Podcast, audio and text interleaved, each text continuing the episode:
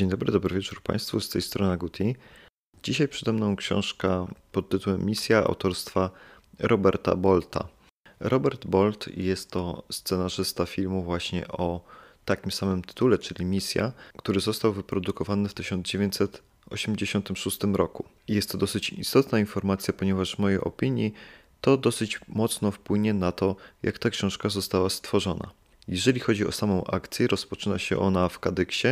Jest to miasto w południowej Hiszpanii i tam 14-letni Rodrigo Mendoza ze względu na pewne okoliczności zostawia młodszego brata pod opieką jednego z klasztorów, a sam w poszukiwaniu lepszego życia oraz żeby zapewnić pieniądze na utrzymanie brata, ponieważ musi wnieść roczną opłatę do tego klasztoru, wyrusza do Ameryki Południowej. Tam dociera współcześnie jest to pogranicze Urugwaju i Argentyny, a ówcześnie, bo akcja dzieje się w XVIII wieku, jest to pogranicze Portugalii i Hiszpanii. Pomiędzy tymi dwoma państwami znajduje się też terytorium zależne króla Hiszpanii. Myślę, że najlepiej tak to nazwać, ponieważ nie było to do końca samodzielne państwo, chociaż tutaj trwają też historyczne spory. A nazywa się ono Republika Guarani. Ta republika jest to ustrój, jest to terytorium, na którym rządzą jezuici i których celem jest zakładanie misji na tym terytorium i nawracanie miejscowej ludności Guarani. Właśnie w ten geograficzny tygiel trafia nasz bohater Rodrigo Mendoza i tam po kilku latach zostaje łowcą niewolników. Myślę, że jeżeli chodzi o zarys fabuły, to powinno nam wystarczyć, żeby zbyt dużo nie, nie zdradzać fabuły, a jeżeli chcemy się dowiedzieć, o czym ta książka jest, to nie będę tutaj wyważał otwartych drzwi, ponieważ ta informacja znajduje się na okładce i w mojej opinii jednym zdaniem nie da się tego lepiej streścić, mianowicie przejmująca historia o wierze i dramatycznych wyborach, napisana przez autora scenariusza kultowego filmu. Dzięki temu ułatwieniu, zostawionych tutaj najprawdopodobniej przez wydawców książki, gładko mogę przejść do minusów. I właśnie tutaj w sekcji minusów bardzo odznacza się to, o czym wspomniałem, mianowicie, że książka ta jest napisana przez autora scenariusza filmowego.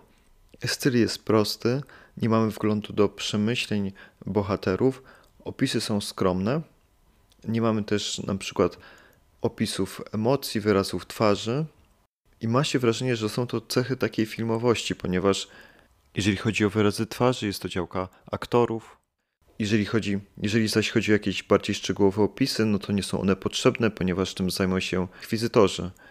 Ma się wrażenie, że tutaj autor chce nam coś przekazać obrazem, którego tutaj nie ma, a nie jak ma się to do czynienia z książką, czyli na podstawie opisów. Nie ma też zbyt wiele komentarzy międzydialogowych, na przykład w jaki sposób dana kwestia została wypowiedziana, przy czym znowu jest to kwestia tej filmowości, mianowicie intonacje, myślę i emocje będzie oddawać aktor. Przez to niestety pewne dialogi sprawiają wrażenie nieco drewnianych. Te wszystkie uwagi mogę śmiało przedstawić, jeżeli chodzi o pierwszą część książki, bo sama książka jest podzielona na pięć części, ale to do tego wrócę. Pierwsza część tej książki, czyli 80 stron, bardzo mi te wszystkie kwestie przeszkadzały. W drugiej zaś części już nie tak bardzo, przy czym jeżeli miałbym rozsądzić, co jest tego powodem, to na pewno powody są dwa. Jeden z nich że być może faktycznie więcej jest tych opisów, tych informacji, tego komentarza międzydialogowego, ale z drugiej strony myślę, że też że dosyć kluczowy czynnik to ten, że po prostu zacząłem się przyzwyczajać do stylu autora. Ale oczywiście nie samymi minusami usłana jest ta książka, jest tu bardzo wiele plusów moim zdaniem. Pierwszy z nich jest związany z minusami, mianowicie w związku z tym, że nie mamy zbyt wielu opisów albo one są krótkie, zdawkowe, dzięki temu akcja książki jest bardzo dynamiczna, bardzo dużo się tam dzieje.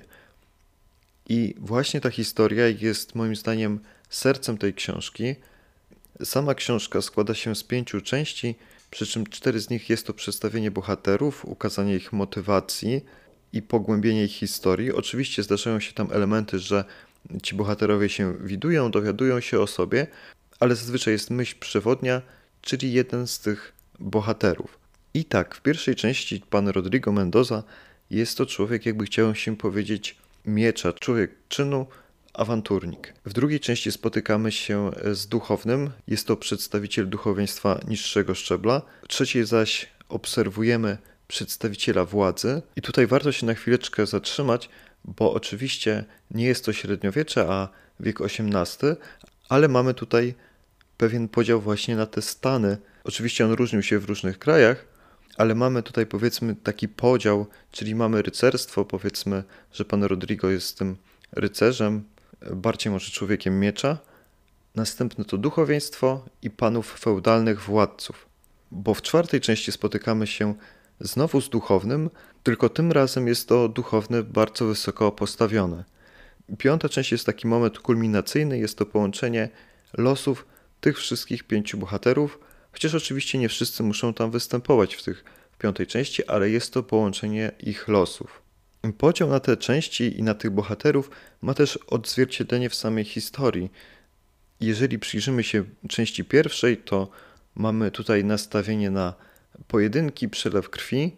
Jeżeli części drugiej, czyli tej związanej z duchownym, tutaj głównymi wątkami jest wiara, prześladowanie religijne, heroizm, wyznawaniu wiary. A jeżeli chodzi o część trzecią, czyli poświęconą władzy, część czwartą, czyli wyższemu duchowieństwu, to tutaj mamy podobne skojarzenia, mianowicie jest to świat intryg, interesów, tylko w przypadku władzy jest to interes państwa lub przedstawiciela władzy, a jeżeli chodzi o duchowieństwo, jest to interes kościoła albo zakonu. Jeżeli chodzi o mój odbiór tej historii, to nie oglądałem filmu, więc moje odczucia nie są jakoś skażone w tej mierze. Dla mnie ta historia była ciekawa i ze zniecierpliwieniem czekałem, jak się ona wyjaśni, jak się skończy. Więc pierwszym dużym plusem, tak podsumowując tę część, jest historia tej książki. Drugim ważnym elementem zaś są wybory, przed którymi stają ci bohaterowie. Wybory te wzbudzają emocje, a dla mnie jako czytelnika również te emocje się pojawiały, ponieważ czasami budził się we mnie sprzeciw wobec tego, w jaki sposób ci bohaterowie postępują. Być może nie to, co robią, ale w jaki sposób to robią. I w tej książce bardzo dobrze czuć ciężar tych wyborów, przed którymi stoją ci bohaterowie. Nie są to jakieś błahe sprawy, ale zostały też one pokazane, opisane bez zbytniego patetyzmu. Oczywiście, jak to w życiu, jedni bohaterowie postępują heroicznie, inni niegodziwie, a jeszcze inni trudno nam ocenić. I pod tym względem, ale również ze względu na podobną tematykę, ta książka przypominała mi książkę Milczenie Shusaku Endo. Swoją drogą te dwie książki zostały w jakiś sposób powiązane z filmem, tylko Milczenie zostało napisane pierwsze, a później powstał film, a tutaj ta kolejność była odwrotna.